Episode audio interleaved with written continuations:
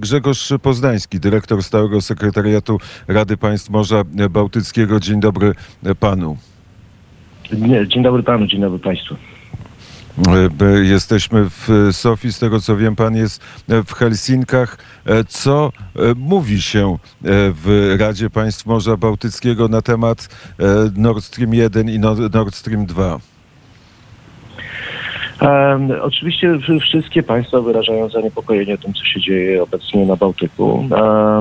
To niestety, ale wpisuje się w to, o czym chyba rozmawialiśmy w czasie naszej ostatniej rozmowy, że należy spodziewać się wzrostu zagrożeń, niekoniecznie militarnych, ale takich hybrydowych, czy też z dziedziny e, zarządzania, tak podlegających zarządzaniu kryzysowemu e, tutaj w regionie Bałtyku.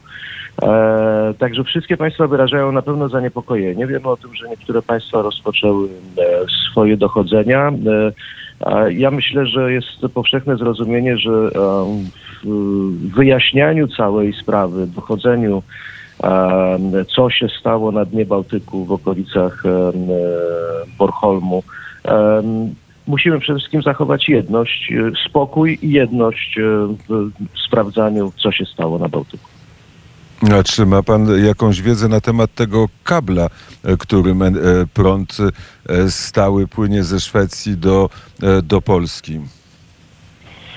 Um, nie, prawdę mówiąc nie mam takich informacji, natomiast musimy pamiętać, że na dnie Bałtyku jest ułożona nie tylko Nord Stream, jest bardzo dużo infrastruktury. To są połączenia energetyczne, gazowe e, pomiędzy krajami bałtyckimi, Szwecją, e, Danią. Także e, tej infrastruktury na dnie Bałtyku jest wystarczająco dużo, żeby to przyprawiało o ból głowy. No i oczywiście ostatnio otwarty Baltic Pipe między Polską a Danią. A co na temat Nord Stream 1, Nord Stream 2 e, pisze prasa szwedzka? Co mówią politycy w Finlandii? Co mówią politycy w Sztokholmie? No, e, przede wszystkim zwraca się uwagę na dwie rzeczy. Po pierwsze trzeba wyjaśnić, e, co się rzeczywiście stało. E, Co, jak już widać e, po, po, po, tych paru dniach, e, prawdopodobnie nie będzie łatwe, bo samo dotarcie na miejsce e, wycieków e, e, gazu e, prostym nie będzie, ale, ale, ale przede wszystkim trzeba wyjaśnić. Po drugie, e, wszystkie państwa należące do Rady Państw Morza Bałtyckiego, w tym, w tym Szwecja, w tym Dania wyrażają oczekiwanie, że jednak e, e, trzeba będzie się wnikliwie przyglądać bezpieczeństwu infrastruktury leżącej na dnie Bałtyku.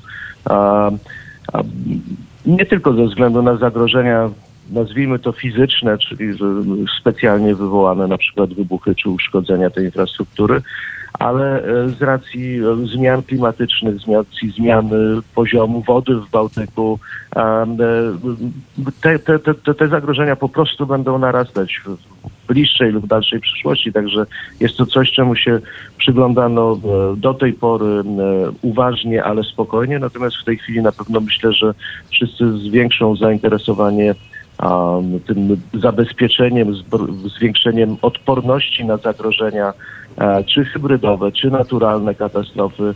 Myślę, że to będzie dość naturalny proces w tej chwili. Bardzo serdecznie dziękuję za rozmowę. Grzegorz Poznański, dyrektor Stałego Sekretariatu Rady Państw Morza Bałtyckiego, był gościem poranka wnet. Dobrego dnia. Dziękuję bardzo. Dobrego dnia.